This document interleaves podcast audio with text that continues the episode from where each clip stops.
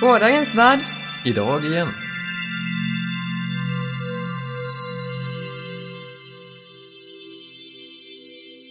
Dags för avsnitt 21 av er favoritljudkapsel.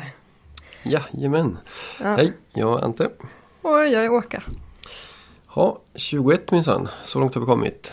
Vi har lyckats upprätthålla någon slags eh, utgivningstakt på ungefär ett avsnitt i månaden har det blivit. Det tycker jag är ganska lagom. Mm, något sånt ja. Det ska inte bli för mycket av ett jobb det här. Eh, och eh, senaste avsnittet har funnit en del eh, lyssnare och även en del repliker.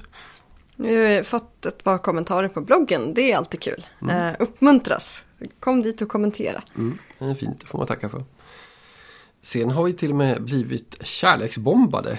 Vilket jag aldrig har blivit förut. Det är ju smickrande. Väldigt roligt. Det är lite grann så här som att oj, det, det är alltså signaler från zonen, Fria Ligans eh, podd. Som eh, pratade om att, eh, ja, att våran podd var bra. Ja, det Och det kul. tyckte jag var jätteroligt. Mm, det var skoj. Tack Nisse. Ja, ehm, sen kanske vi ska poängtera att det här är ju ett sommaravsnitt igen. Vilket betyder att eh, det är inspelat I vår sommarstudio. Mestadels under lite sämre ljudförhållanden än vanligt och lite eh, sådär stökiga bakgrundsljud emellanåt. Men jag hoppas att... Jag har märkt att poddlyssnare inte är så väldigt kräsna vad gäller sånt. Eh, nej, jag tror inte det. Jag har stött på folk som är väldigt eh, känsliga för sånt. Men undrar jag vad de lyssnar på för, för, eh, för poddar egentligen. För jag tycker det brukar vara väldigt upp och ner på eh, ljudstörningsnivån på många poddar. Själv är jag inte så känslig för det. Så. Nej, jag vill, ju, jag vill ju ha det perfekta ljudet men jag har släppt lite grann på ambitionerna eftersom jag känner att det inte alltid är värt ehm, ansträngningen. Det är så skönt att kunna sitta ute och banda. Ja, och framförallt så är det ju roligare att lyssna på någon som säger någonting spännande än att höra någon som säger någonting tråkigt i en perfekt ljudmiljö. Men vadå? Vi säger väl inte tråkiga saker även om vi har en perfekt Nej, nej, ljudmiljö? vi säger intressanta saker i en intressant ljudmiljö. Vi mm, försöker optimera det hela helt enkelt. Ja, Ja. just det. Och eh, i detta avsnitt har vi optimerat, ja, vi pratar om eh, eh, vår approach till det här med superhjältar. Mhm. Och sen eh, så får du intervjua mig lite grann om Antarktis Ja, och sånt. mm, du har ju haft äventyr för dig i kalla klimat. Ja, eller något. Ja, precis, som vi tar upp lite. Och sen blir det lite om stora dumma föremål. Big dumb objects. Eller makrostrukturer. Ja, som det heter i mm. Encyclopedia of Science Fiction. Mhm. Numera. Yes, precis. Ja, håll till godo. Mm. Jag eh, lyssnade på en eh, podcast, en annan, eh, än våren. En av de många. Ja, precis. Och I det här fallet var det Fear the Boot. Och eh, där pratade de om, eh, skulle prata om tecknade serier. Mm. Och eh, Dan han sa det, ja men nu har jag faktiskt läst på så nu, nu vet jag vad jag pratar om. Och så började han bara säga att han hade åsikt om den och den story arken i den och den superhjälteserien. Och det var som om serie automatiskt betyder superhjältar. Det är inte, inte riktigt så för oss direkt. Nej, nej, alltså jag har förstått att det där i, i speciellt, eh, speciellt USA eller Nordamerika så är eh, det en speciell krets av människor som anser att de är comics. Eh, och eh, det de sysslar med är superhjältar. Mhm. Och därför så, så är det så att till exempel en del jättepopulära serier som säljer jättemycket ändå kanske inte recenseras eller diskuteras eh, när man pratar om vilka grejer som är den stora grejen just nu. Eftersom man helt enkelt inte ser dem. Det blir som en blind fläck utifrån det här liksom comicskulturen som finns där. Men det kanske ser lite annorlunda ut i, i Europa. Och eh, speciellt jag menar bland bland oss. I Sverige har ju serier rätt mycket varit humorserier alltid. Jo, onekligen. Ehm, sen är det ju onekligen så att eh, superhjältar är en stor grej i, i populärkulturen och i, i media i stort. Det är ju inget snack om saken. Väldigt många av de senare årens storfilmer har handlat om superhjältar. Det är en Mm. stor grej. Och jag vet ju från eh, i rollspelsvärlden till exempel. st- Första genren som, som eh, ligger högst på topplistorna det är ju alltid fantasy. Alla gillar sina, sina eh, monster och dvärgar och alver. Men sen är det superhjältar som, som folk tycker om och, och ikläder sig roll som. Men eh, nu har jag faktiskt eh, köpt första rollspelssupplementet jag, jag äger som har med superhjältar att göra. Jag har eh, till och med breddat mitt serieläsande lite på eh, den månaden att jag har faktiskt köpt superhjälteserier. Eh, faktum är att första gången jag gjorde det så gjorde jag misstag. Va? Hur kan man köpa superhjälteserier av misstag? Ja, saken var den att om jag hade haft koll på det här med superhjältar så hade Mm. jag sett de här, symbol, de här små tecknen på vad det var för någonting jag köpte men det visste inte jag. jag visste, det här var skrivet av Neil Gaiman, det är säkerligen bra, jag köper det. Mhm. Men- Vad vad är det för något? Det var en serie som heter 1602. Ja, okej. Ja. Ja. Det här är faktiskt, eh, jag läste första numret. Mm, och det är ju liksom viktorian, nej viktorianska nu är jag helt utcyklad. Elisabetanska eh, äventyr liksom och eh, jag tycker det är väldigt charmigt det här med den elisabetanska kulturen och Shakespeare och John Dee och så här. Det, det finns ju massor med skojande Mm. trupper där. Eh, så jag köpte den här och tyckte Neil Gaiman skriver ju bra grejer. Sen upptäckte jag överhuvudtaget, vänta lite nu. Det känns som att författaren här sänder på signaler om att haha, har du sett det här? Har du sett det här? Och inser överhuvudtaget det är någon som försöker säga någonting här liksom om, om att det här egentligen är den och den figuren. Det var en, eh, så på sätt och vis kan man säga första superhjälteserien jag köpte det var misstag. Skumt. Superhjältar för mig det är ju, eh, det har jag sagt för Sommarstuga. Mm. Eh, serietidningar från 70 och början av 80-talet. Eh, det, det är min närmaste kontakt med en superhjälte. Sen eh, vet jag inte, förra sommaren satt jag och tittade igenom den gamla tecknade Spiderman TV-serien från 1967. Mm, den var rätt eh, tidsbunden tyckte jag kändes som de Den- den var gånger jag tittade in på den. Den var väldigt speciell. Eh, speciellt eh, säsong 2 och 3. För de är gjorda av Ralph Bakshi.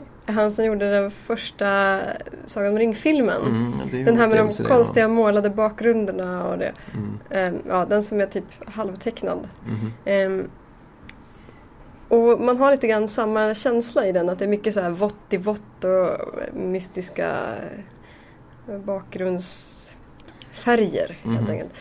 Den var lite psykedelisk helt enkelt. Den Lite psykedelisk helt enkelt. Spiderman skulle jag säga. Ja, jo, jo, det fanns ju många sådana riktiga typiska 60-tals psykedeliska effekter med så spiraler eller cirklar och, i kontrastfärger som rör sig och, Mhm. och sånt. Så ja, på det viset. Men den var inte speciellt bra. Den var Nej. inte, speciellt bra gjord. Mycket eh, klumpig återanvändning av tidigare sekvenser. Mhm. Och väldigt konstig rytm som inte stämde. Ibland hände det för mycket i ett avsnitt och ibland hände det väldigt för lite i ett avsnitt. Nej, så det, det var inget vidare bra. Men Men det, det känns som det finns vissa sådana här troper, det finns vissa rutiner, det finns vissa symboler och grejer som man, som man använder sig av i superhjältar eh, och superhjälteberättelser uppenbarligen. Min bild av det här med superhjältar är att det är något väldigt tidsbundet på något vis. De första Stålmannen, de här, de kommer på 20-30-talet och det känns som att det är eh, 1938. 38 till och med, ja. Se. ja jättekoll!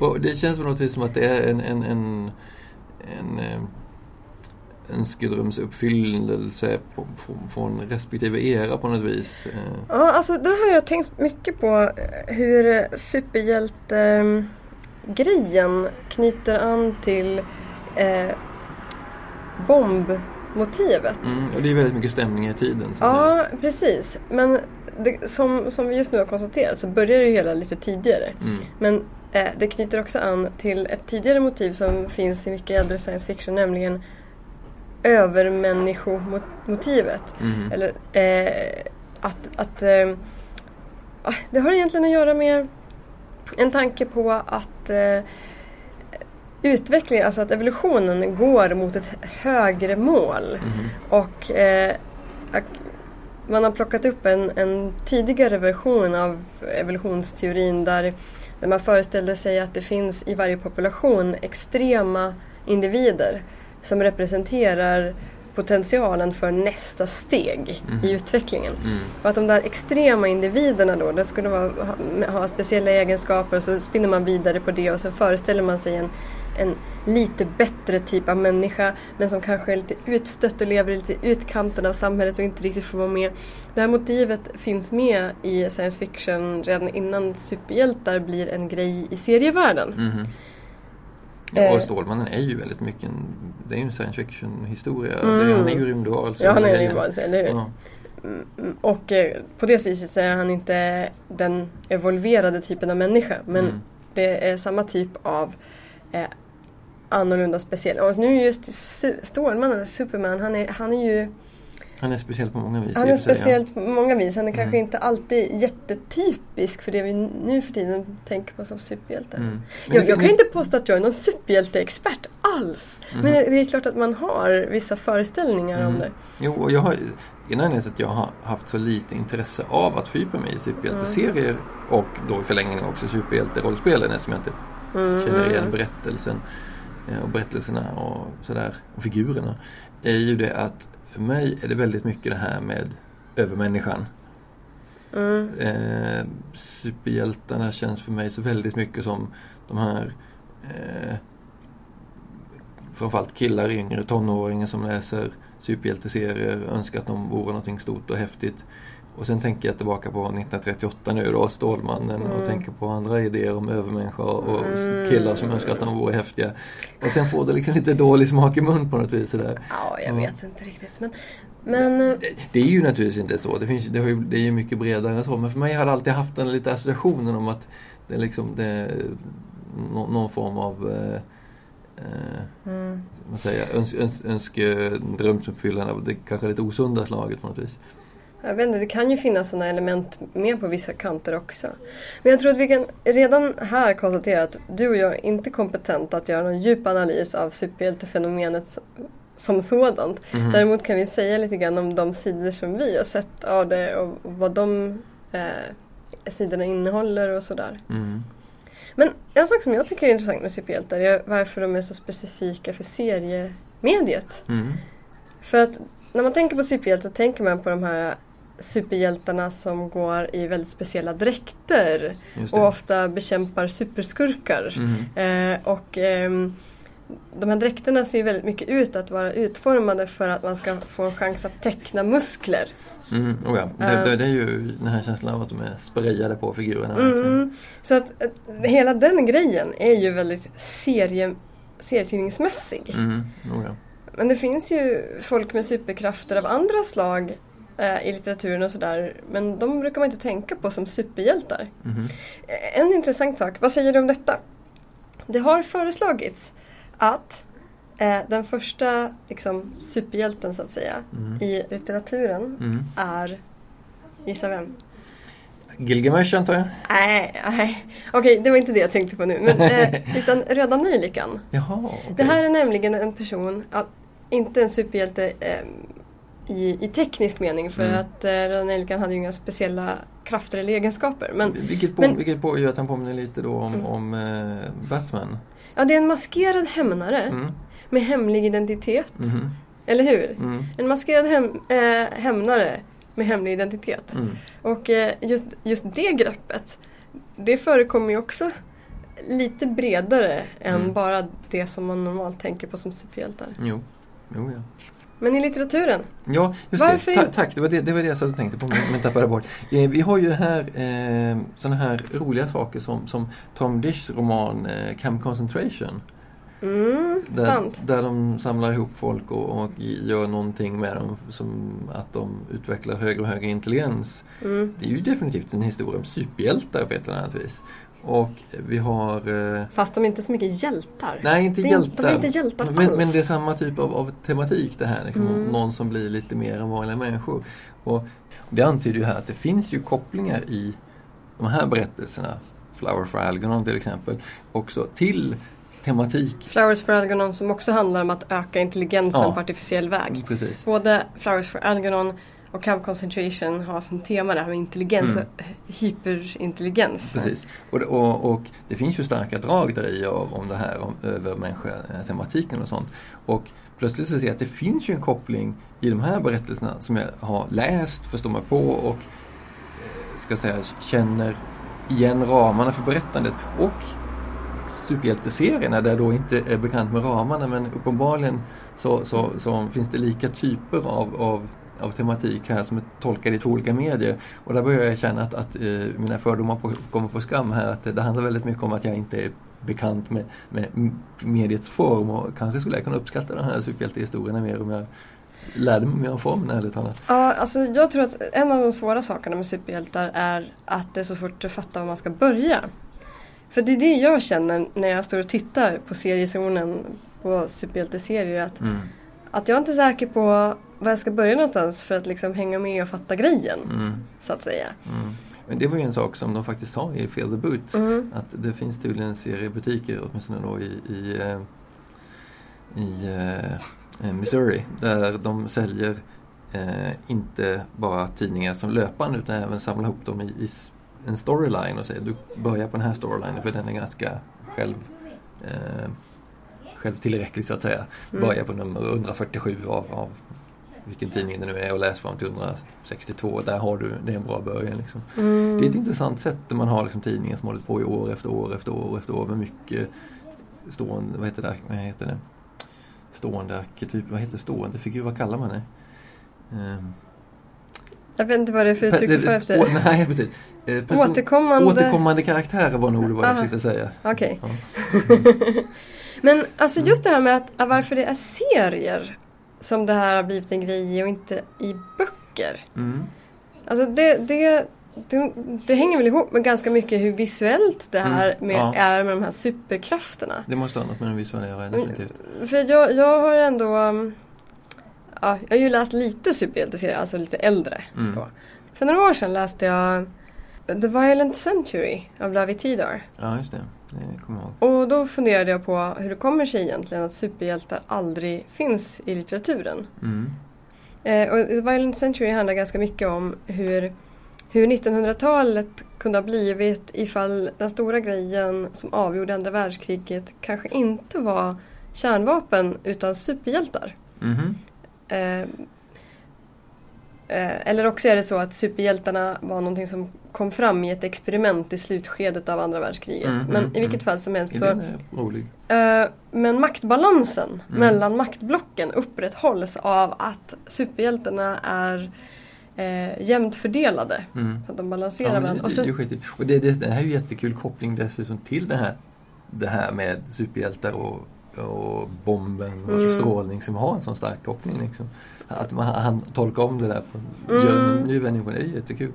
ja, alltså jag tyckte den här boken var rätt bra. Men samtidigt så tyckte jag att jag inte fick någon stark känsla av det här superhjälte-wow. Mhm. Eh, att det är häftigt på något sätt. Saknas det något visuellt? Att, ja, ja, det var därför jag tänkte att det kanske saknas något visuellt. Alltså, Mm. Har du läst några superhjältar i, i skriven form? Text? Eh, ja, nu, nu när jag har börjat öppna mitt sinne, om man säger så, för eh, den här kulturformen så har jag faktiskt gjort det.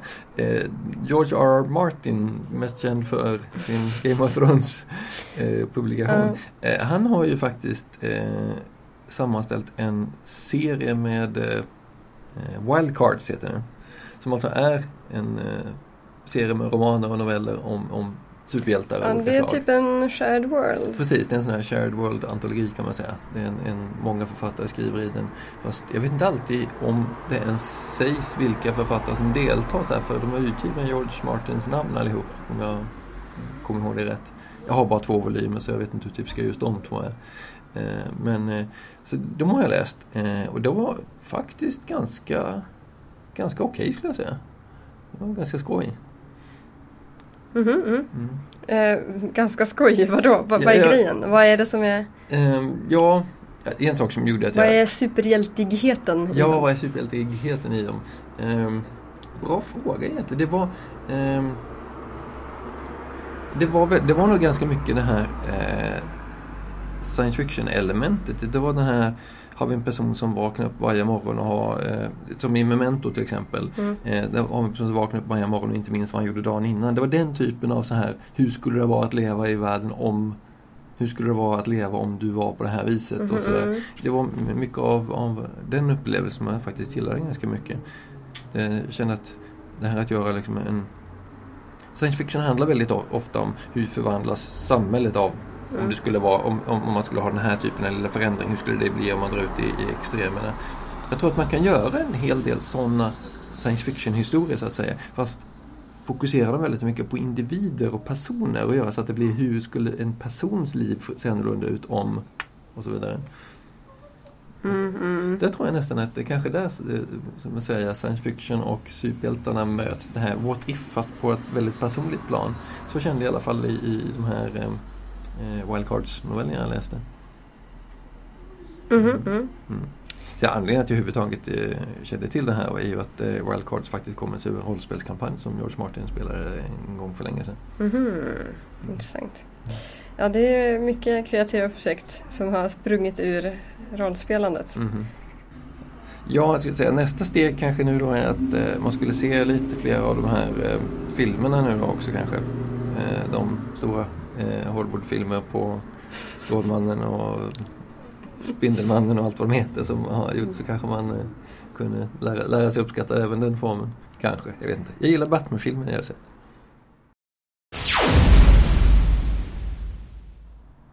Vi brukar ju prata om eh, roliga saker vi gör, roliga saker vi läst, roliga saker vi sett och andra intryck. Du har ju gjort någonting som få andra människor har, nämligen du har varit på Sydpolen. Mm, mm, det stämmer ju. Mm. Hur, För eh, väldigt länge sedan. ja, när var det och hur, hur, kom du dit? Okej, det var i december 2003. Och eh, det... ehm, ja, hur jag kom dit? ja, ja, du vet ju allt det här redan. Det känns lite konstigt att du frågar mig om det. Men ehm, eh, visst kan Det är för andra som Ja, lyssnar. jo, så- jag förstår, jag förstår. Men det känns bara absurt på något sätt. Men eh, anledningen till att jag var där var ju att eh, jag, eh, jag höll på med min forskarutbildning. Eh, jag vet inte om alla människor är helt jättebekanta med högre utbildning och hur det där funkar. Eh, så bara ifall det är någon lyssnare som inte vet så är det så att om man vill bli forskare då går man en sorts eh, utbildning som heter forskarutbildning och då medan man gör det så kallas man för doktorand. Och eh, jag var alltså doktorand då och i slutet av forskarutbildningen ska man skriva en avhandling. Den avhandlingen ska försvaras på en disputation Mm. och den som klarar allt detta plus kurskraven som ingår i utbildningen eh, får då en eh, examen, en doktorsgrad helt enkelt.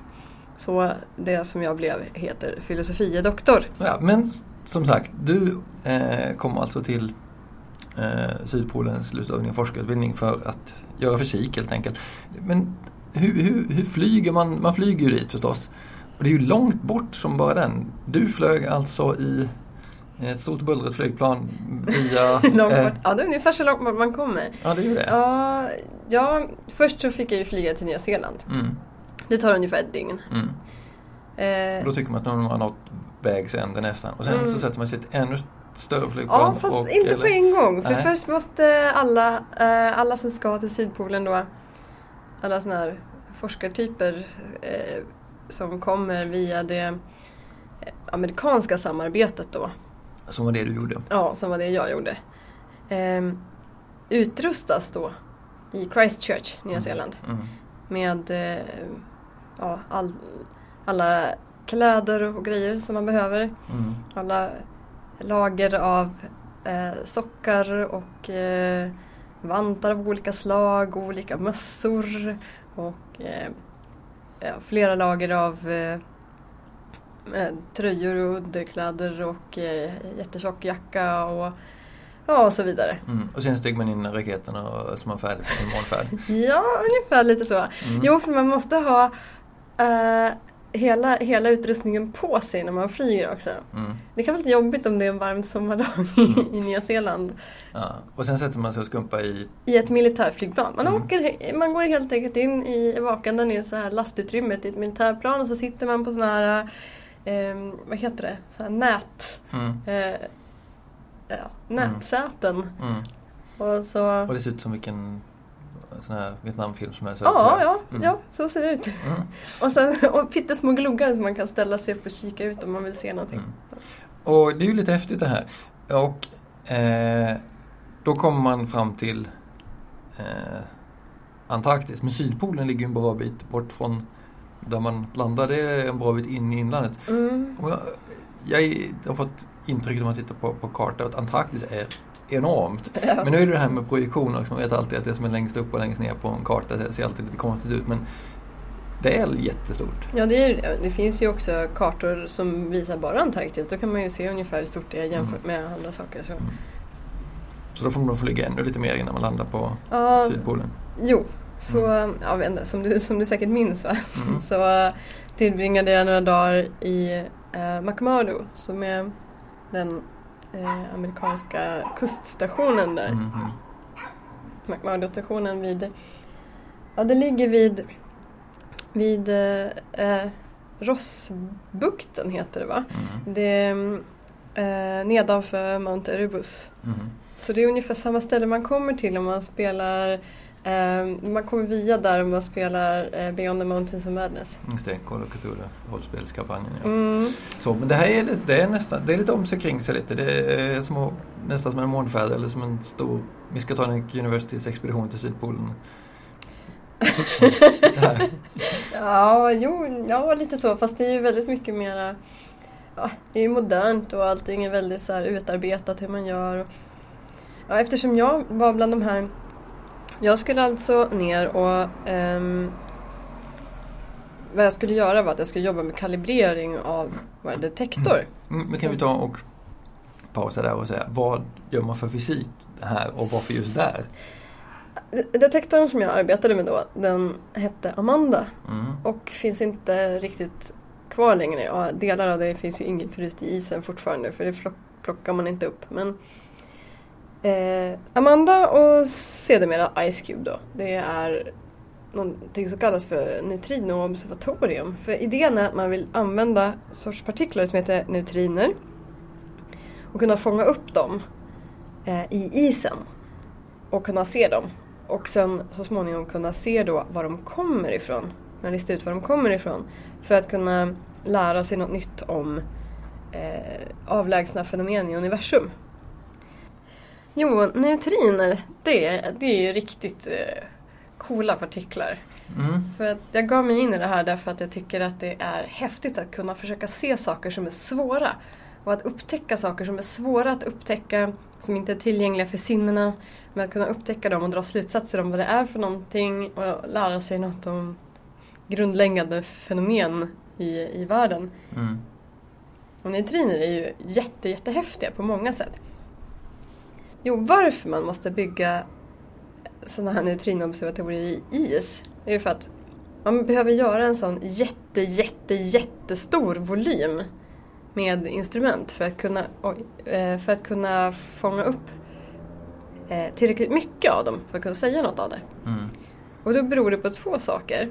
Och det som man alltid brukar säga, om någon har hört talas om det här, det är att neutriner från solen, de eh, kan gå igenom i genomsnitt eh, ett ljusår av bly utan att stoppas. Mm.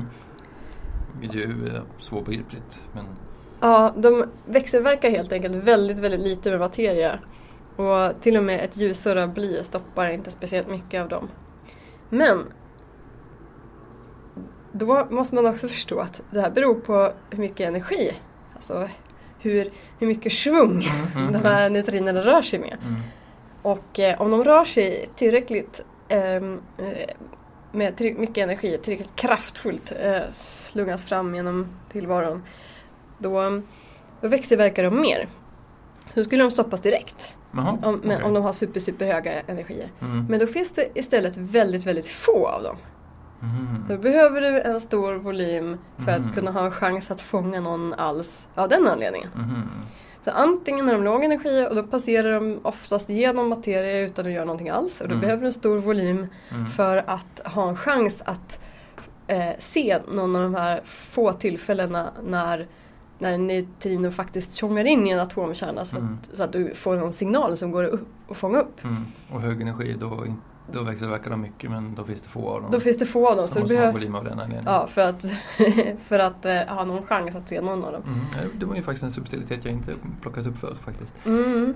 Eh, eh, jag, jag vet man har läst eh, science fiction historier eh, där de har neutrinodetektorer. Och då är det ju någonting de har på ett, kanske ett rymdskepp av något slag.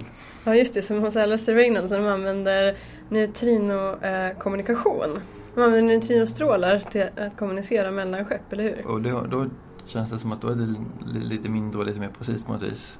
Men det, det Mm. kanske inte är helt orimligt då om man tänker sig att det är väldigt hög energi på de här. För annars tänker man sig man har Mm. ett par ljusår av bly för att fånga upp en signal från andra rymdskeppet. Det blir lite svårhanterligt liksom. Det är lite jobbigt att ha med sig en sån, Ja. sån, en sån radio, neutri- neutrinoradio. Ja, precis. Ja, nej, ehm, ja, Det faktum. går faktiskt att kommunicera med neutrinos alltså.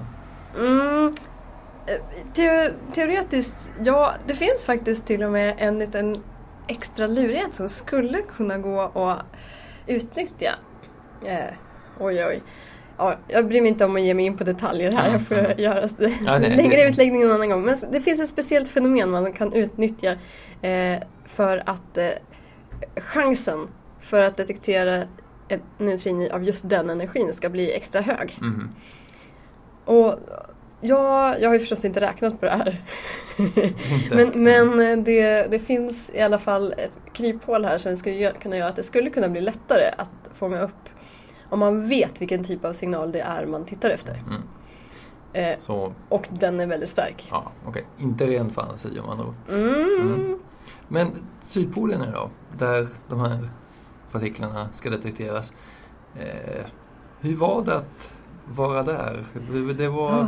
det var, det var vinter när du åkte från Sverige. Ja, det Vilket alltså ju... betyder att det är mitt i sommaren i Antarktis. Hur är, det, hur, är, hur är sommaren mitt i Antarktis? Som jag har fattat det så är det alltså ljust jämt. Och det är Det- det alltså det- verkligen ljus jämt. Ja, ja, ja, ja, men det är klart. Det, det är ju som, som i Sverige fast mer. Mm. Och alltså det första som var konstigt tyckte jag, det märkte jag ju redan eh, i Nya Zeeland, att eh, på södra halvklotet så går ju solen åt fel håll Mhm. på himlen. Vilket gör mig desorienterad. Mhm. Och det var då jag insåg att jag faktiskt lägger märke till hur skuggorna rör sig på dagen. För det har jag aldrig tänkt på att jag lägger märke till. Men uppenbarligen Ah. gör jag det och jag orienterar mig efter det. För jag blev lite sådär störd av att skuggorna gick Mhm. åt fel håll på dagen. Men, men du är ju van ändå vid svenska sommar att det är ljust Mm. jämt. Men var det samma upplevelse? Där? Oh, det, det, var, det var annorlunda därför att Okej, vi hoppar över McMurdo helt och hållet. Mm. På Sydpolen. Du tänker dig att du är på havet fast havet är helt vitt. Mm. Det är den oändliga horisonten och allting är bara vitt. Mm. Och inga moln, Mm. bara kanske lite dis. Mm. Eh, helt klart. Och eh, samma ljus hela tiden. Mm. Plus tunn luft då, för det är ju högt upp på den här ishöga platån. Mm. Ehm, ja, det var ganska konstigt. Just, just höjden tror jag påverkar sömnen också. Mm. Mm. Och jag var inte ens där tillräckligt länge för att... Ja. Jag var ju där tillräckligt länge för att acklimatisera mig. Men Mm. det tog ju några dagar bara det. Mm. Och... Eh, ja. Däremot så vande jag mig aldrig riktigt vid hela miljön. Eh, det, det hände ofta att jag... Jag, jag sov väldigt lite. Mm. Jag vaknade eh, vid fel, fel tidpunkter och kände mig jätteenergisk och ville göra någonting. Mm. Ja, samtidigt som jag eh, kanske inte riktigt var så utvilad som jag kände mig. Mm. Det är ganska civiliserat ändå. Det finns ju en bas Mm. Eh, det är ju inte som att man trillar ner ingenstans. Det Mm. finns en bas. Man kan vara inomhus. Mm. Man kan jobba ganska mycket inomhus i sina vanliga gångkläder. Och, Mm. eh, en trevlig, ett trevligt inomhusklimat. Men eh, huset där vi jobbade var en bit bort. Så då måste man gå ändå och korsa landningsbanan där flygplanen landar och så. Mm. Men då när jag var där höll de på att bygga den nya Sydpolstationen. Den gamla Sydpolstationen det var ju som en kupol. Mm. Där byggnaderna var som, ehm, som fraktcontainrar Mm. inredda. Mm. och, ehm, ja, och så stod det liksom högar med eh, lagrade lådor Mm. runt om. Mm. Så det såg ju väldigt så primitivt ut. Mm. Men då när jag var där höll de på att bygga den nya stationen som ser ut verkligen som alltså någon sorts rymdskepp. Eh, som står på stolpar också. Mm. Och eh, jag hade turen då att jag fick, de hade utlottning om vilka som skulle få bo i nya stationen och jag, Mm. och jag vann Ah. att få bo i, och de kallade det då för hotellet. För, Okej. att, för att det var så mycket finare än, Mm. än resten. Sen var det ju ett pyttesmalt litet rum Mm. med en liten säng och eh, ja, så lite samma känsla som att sova i, i en järnvägs, alltså på tåg. Mm. Så, Så- det var, så det var lite som en månraket helt enkelt, ont om plats. ja, lite så. Mm. Men Men om man gick ut så var man tvungen att ha på sig rymddräkt. eh, mer eller mindre mer eller mindre rymddräkt. Mm. Men ändå så är det väldigt bekvämt. Jag håller på att lyssna på eh, nu, ljudboken av Chris, Chris Hadfield, Mhm. astronauten. Mm. Han beskriver hur, hur han lärde sig att, vad han gjorde i rymden och hur han förberedde sig för det. Och Mm. Det här är ju otroligt bekvämt Mm. i jämförelse. Jag var ju aldrig i närheten av att, att behöva kunna, kunna överleva liksom, Mm. i de svåra förhållandena. Mm. Det, det, faktum är att om vi hade behövt nödlanda det är ju därför man ska ha på sig hela, Mm. Mm. hela Ja, utrustningskittet. det. jag har tänkt på att om vi hade behövt nödlanda på Mm. vägen Jag vet inte riktigt. Det händer kanske aldrig men Men jag hade ju verkligen inte riktigt vetat vad jag skulle göra för att de, de forskare som jobbar i fält Mm. på Antarktis Mm. de får ju gå omfattande kurser och utbildningar för att lära sig hur man, eh, ja, hur man klarar, hur man gräver ner sig om man blir fast ute när det stormar och allting sånt där och hur Mm. man överlever överhuvudtaget Mm. i, i eh, kallt klimat. Eh, men eh, jag, jag gick ju aldrig någon sån där kurs för det behövde man inte om man bara skulle dit och jobba lite med detektorn och sen åka tillbaka igen. Mm. Så det, det kände jag att jag, det var något jag missade verkligen. Mm. Men man blir ju fantastiskt förälskad i platsen. Vad märkligt det är. Det är så, det är så speciellt att vara där. Det är så speciell stämning. Alla, alla är där för att göra någonting. Mhm. Alla är väldigt så, intresserade och engagerade människor. Ganska öppna också. Mm. Ehm, typiskt så Mm. forskartyp människor men även de som jobbade med att borra och så här. Mm. Eh, det kändes som en väldigt så här, eh, familjär stämning. Här är vi som gör det här tillsammans. Mm. Och även på sommaren då det fanns ett stort sommarläger och de som inte fick plats i stationen Mm. de bor i en sån här Jamesway eh, Det är som en slags tält med trägavlar Mm. och där blir det ju kallt. Mm. Eh, det blir kallt på golvet Mm. även om det är varmt i sängen. Mm. Så det är lite så här, man är isolerad långt bort från resten av mänskligheten Mm. och det blir lite så här gemenskapskänsla över Ja, det. det blir, det blir väldigt speciellt. Och, och den här miljön också och hela den här känslan av att, att vara uppe i att göra någonting vettigt. Jag, jag gillar ju... Jag, jag gillar att bli engagerad av något. Där på Sydpolen det fanns det de här praktiska uppgifterna att göra. Mm. Och det fanns så mycket att lära sig. Mm. Mm. Alltså bara den här känslan av att nu går jag ut och jag kopplar kontakter. Jag, jag lossar fiberkablarna Mm. som ska sända ner signaler i isen flera kilometer ner i isen Mm. och ta upp eh, signaler som kommer nerifrån. Mm.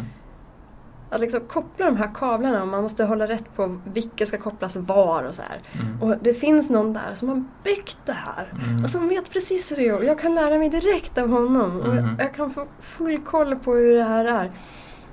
Eh, så den känslan den, den verkligen... Ja, vad jag gillar den. Mm. Och jag vill så mycket ha mer av den. Så att om det inte hade varit... Jag fick verkligen, när jag, när jag, när jag åkte hem så ville jag verkligen ansöka om att övervintra. Och då är man eh, på plats när det är mörkt i sex Ja, månader. precis. Som är en sorts omvänd upplevelse. Mm. Då, är man, då är man i princip där i ett år fast man har obligatorisk eh, semester på Nya Zeeland Mm. lite innan, innan Innan vintern. Ja, precis innan mörkret faller. Men blir man inte lite, lite speciell i huvudet av att uppleva det här? Alltså, jag tror nog att de som övervintrar... Ja, jag vet inte. Jag har inte gjort det själv. Mm. Jag har hört vad folk har sagt och det verkar ju som att ehm, på vissa sätt så kan det påverka folk ganska djupt. Och en del, för en del är det väldigt, väldigt positivt. Mm. Och för andra inte lika bra. Mm. För eh, en, en sak som du berättar som jag tycker är så, så väldigt talande lite för, för mentaliteten och stämningen där är ju det här med filmen. Filmen? Ja, Ja, alltså ja, du menar det där. ja. Eh, jo, det finns, eller fanns, jag har faktiskt inte koll på ifall det fortfarande är så. Men Mm. ehm, på vintern så går det ju inte att komma varken till eller från Sydpolen. För Mm. flygplansbränsle fryser. Mm. Så man kan möjligtvis åka dit med ett flygplan, men man kan inte starta med ett flygplan. Mm. Är man där så kommer man inte därifrån. Är man där så är man där. Mm.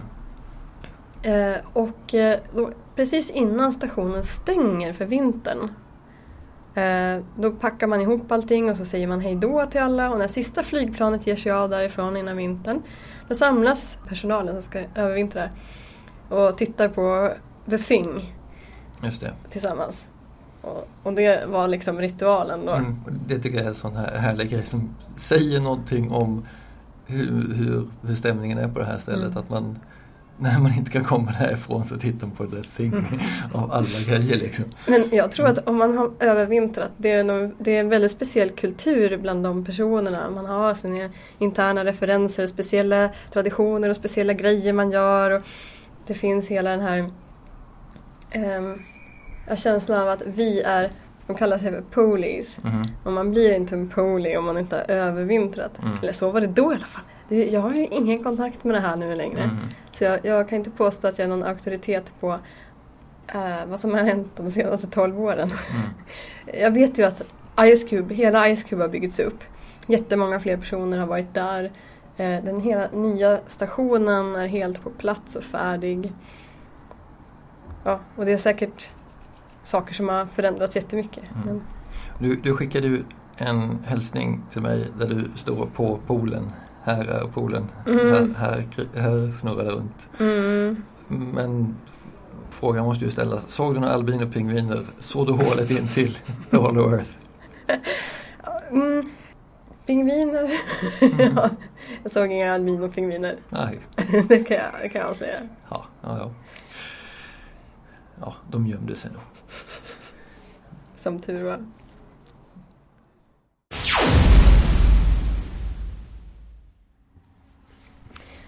Jo, apropå Ice Cube och sådär stora prylar, det är ju egentligen ganska coolt. Mm. Alltså man blir ju imponerad av stora häftiga konstruktioner. Jag tänkte på det här gamla begreppet Big Dumb Objects. Mhm. Har du någon relation till det uttrycket? Makrostrukturer av olika slag. Ja, eh, ja jag tänkte faktiskt eh, så sent som för ett par dagar sedan om det märkliga att eh, det finns så få eh, rollspelsvärldar som har utnyttjat detta som, som setting. Har man en, en Dysonsfär eller en eh, ringvärld Mm. så har man ju så oändligt mycket utrymme att Ja. breda ut sig på. Att man, alltså man skulle kunna göra det som en, en eh, setting som innehåller nästan lite vad som helst. För man behöver bara säga, ja men en annan del av Dysonsfären så finns det här.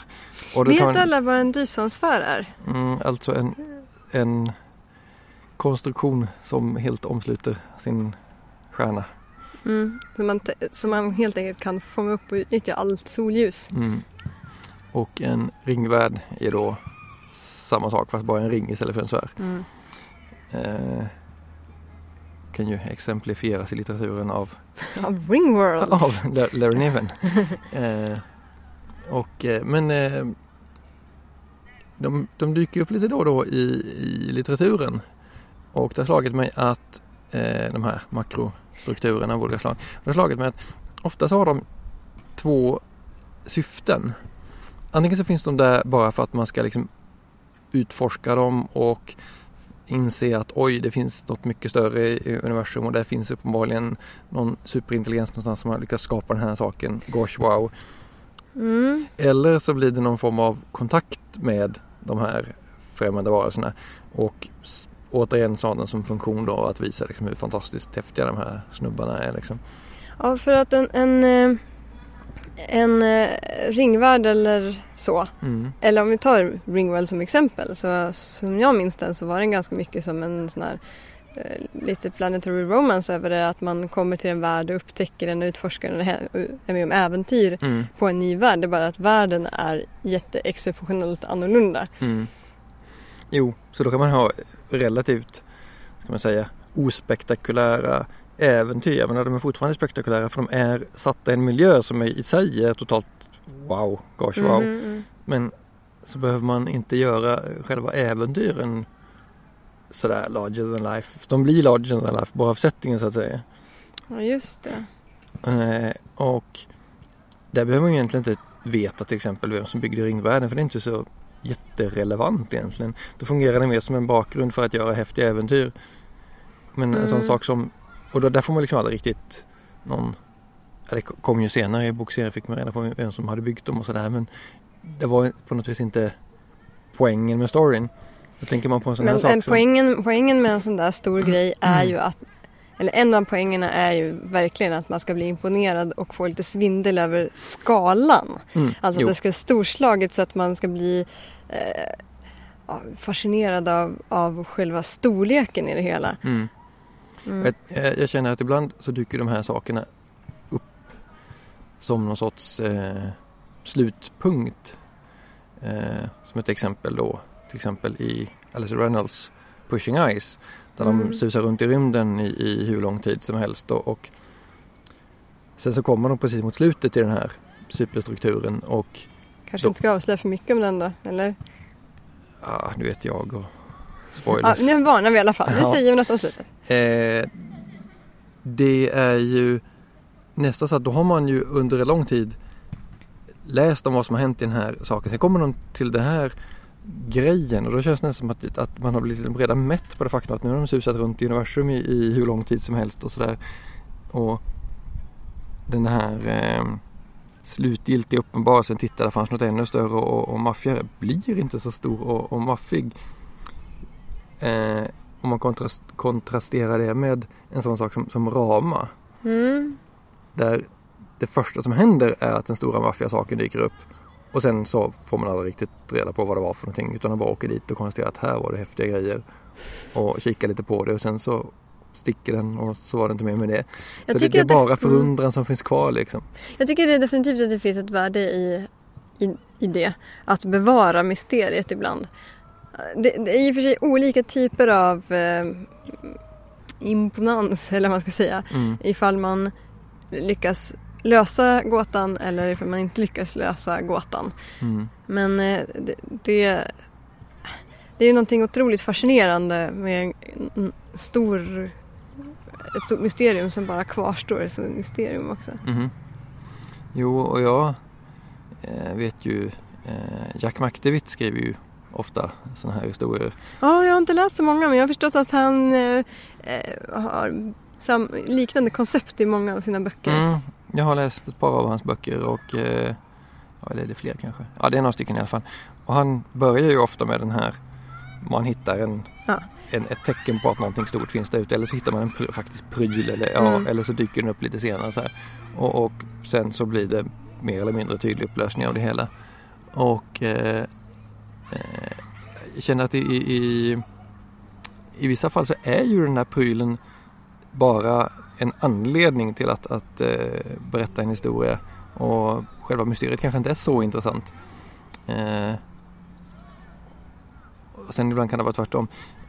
Jag kommer ihåg en annan sån här eh, historia. Det är ju eh, Ion av Greg Bear. Mhm, mhm. Där vi har en, en oändligt lång korridor inuti en, en asteroid. Liksom. Ja just det, åh. Ja. Här, jag har fortfarande inte läst den här men jag, jag har ett starkt minne av den här boken därför att eh, två av mina kompisar återberättade hela boken för mig under en lång nattlig promenad en gång för länge sedan. Mhm. Så ja, jag har en stark känsla av boken ändå även om Mhm. jag inte läst den. Ja, Jag försökte läsa om den en gång och fann den att vara fullkomligt oläsbar men den slog verkligen an det här Wow, här har vi någonting som är omöjligt liksom. Mhm. Eh, inuti den här saken så finns det någonting som är större än utsidan. Det är ju bara, det funkar ju inte. Men när jag tänker tillbaka på berättelsen så får jag inte den känslan. Utan det var just när, när den, den det var liksom rent funktionellt liksom. När berättelsen börjar så ska man bli lite så här så ska det snurra lite i, i huvudet på en. Och så läser man vidare med- med- medan medan man fortfarande vinglar lite av, av, av yrsel. Mm. Sen är boken, sen har kommit en bit in i boken då, då har du inte den här Gosh längre. Och då spelar den inte så någon roll för då har du så säga lurat in dig. Alltså, I vilket fall som helst så spelar det här ju på en, en sån här typiskt, ett typiskt science fiction-grepp. Nämligen det här sättet att försöka få en att få lite svindel. Det är ju det som är kärnan i det som kallas för sense of wonder. Mhm. Som enligt många är själva poängen med science fiction. Man ska få någon slags nästan existentiell svindel över att eh, konfronteras med Mm. ja, tillvarons storslagenhet. Men med tanke på, på det så tycker jag egentligen det är lite lustigt att, att de här Big Dumb Objects eller makrostrukturerna inte är någonting som har hängt med science fiction-genren från början egentligen. Fast har de inte det? Jag menar... Eh, alltså det, Ja, det fast- kanske blev en grej. Alltså Ringworld kom ju 1970. Vi har pratat om den tidigare i den här podden. Mm. Men fanns det inga, inga sådana här stora, stora pryttlar innan? Det måste det ju ha gjort. Alltså det finns ju garanterat. Jag kan, jag kan ju inte allting om, om SF-historien ska jag inte påstå. Men om du försöker komma på saker så är det ju inte så att man omedelbart tycker jo men så var det den där saken från 20-talet och den där från 30 och Nej. fyra, fem saker på 40-talet. Utan det är ju 1970 som man, som man tänker ja visst stora prylar, ja ja Ringworld liksom. Ja, Så och, det och känns sedermera Dödsstjärnan och så vidare. Ja precis, Dödsstjärnan också 70-talet. Mycket som hände, mycket, allting var Ja, stort på 70-talet. Allting var stort på 70-talet. Men det var ju Mm. därför också. Ja, jag läste på lite grann här alldeles nyss och jag kom fram till att eh, tydligen så eh, myntades begreppet Big Dumb Object som jag har hört jättemånga gånger och använt själv också. Men tydligen myntes det av Ross Caveney när hon skrev en essä om 1970-talets SF. Så det Mhm. kanske är så. Det kanske är väldigt typiskt eh, 70-talet och framåt. Mm. Alltså min favorit bland sådana där jättestora häftiga grejer. Eh, det måste jag ju säga. Det är Virga. Mhm. Eh, uh, Carl Schrader. Eh, han har skrivit en serie på fem böcker som handlar om den här Virga-världen. Och den är riktigt maxad. Mhm. Verkligen. Det är det stora grejer. Ja, det är som en, en litet isolerat ry- rymd. Ett litet isolerat universum inuti vår, vår rymd. Mhm. Eh, om du tänker dig att du har liksom en, en bubbla Mm. som är fylld av luft. Mhm. Och där inuti kan man ha flera olika världar men då kan man ju flyga mellan dem eftersom det är luft emellan Mhm. och så vidare. Så får man en helt annan uppsättning av ehm, ja, eh, helt annan uppsättning av- förutsättningar för Mhm. liv och, och teknik och äventyr och så vidare. Mhm. Så eh, jag tycker det var verkligen en värld som gav mig lite den här eh, oh, wow känslan. Ja, mm. Mm. Ja, det ska jag säga att jag har faktiskt eh, eh, hittat några eh, rollspelssetting som faktiskt är eh, Jaha, sen du började fundera på det här? Ja, som faktiskt har, eh, som faktiskt beskriver Dysonvärldar, Okej. Dysonsfärer. Eh, nämligen den gamla fantasy-settingen för The Fantasy Trip, Sidri. Den världen är faktiskt en Dysonsfär. Mm. Och eh, på, senare år, eh, Bill Coffin skrev ett spel som heter Septimus, eller till och med känd som Bill Coffins Septimus. Mhm. Och vad är det?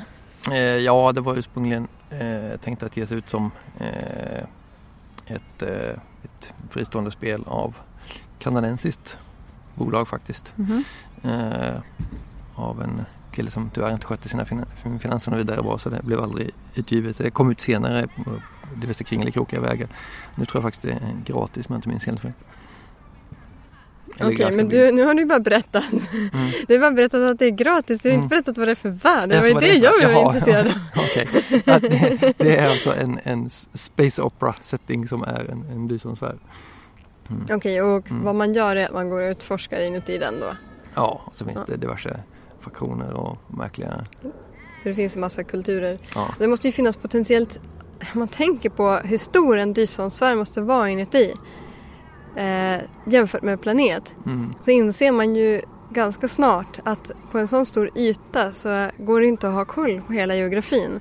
nej, Det måste ju alltid finnas områden som är okända för, för given grupp av, av Mhm. personer då. precis. Så, Så, just därför känns det som att det är en sån given miljö för en antingen rollspelsförfattare eller en romanförfattare. att Mhm.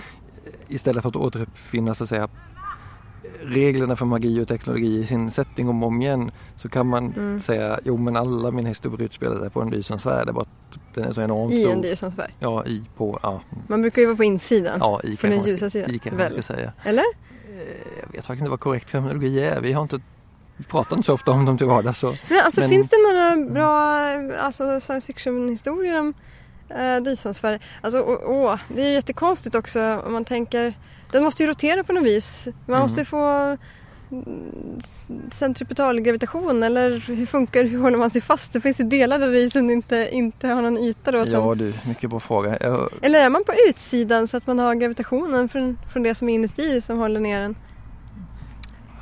Det kan man det inte kan man inte vara. Man måste ju vara på insidan för att, få- för att fånga man upp- Solljuset. Sång, ja, precis. Man Så- skulle kunna fånga solljuset på insidan och sen pipa ut energin på utsidan och göra saker med den där.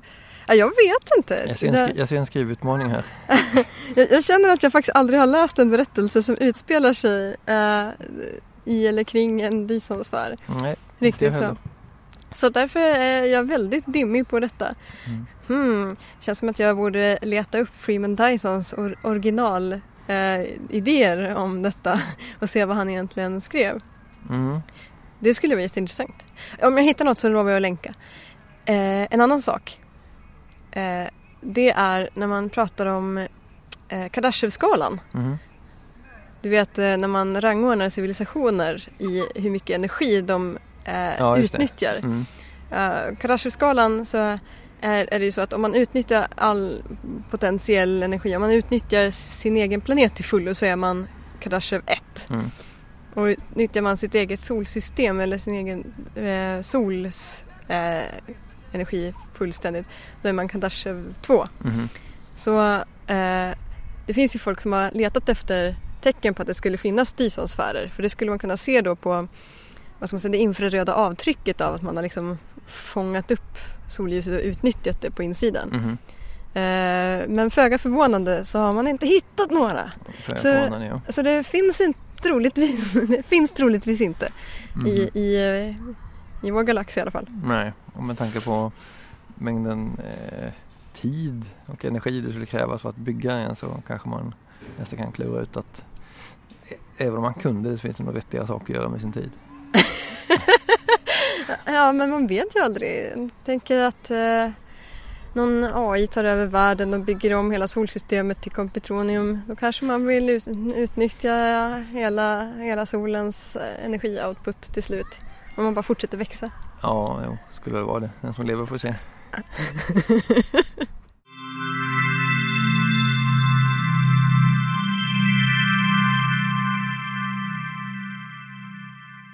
Detta var avsnitt 21 av Gårdagens värld idag igen. En poddsändning av Ante och Åka Davor. Avsnittet släpps under Creative Commons-licensen Erkännande icke-kommersiell. Du får jättegärna gå in på bloggen anien.wordpress.com och kommentera på inlägget för det här avsnittet.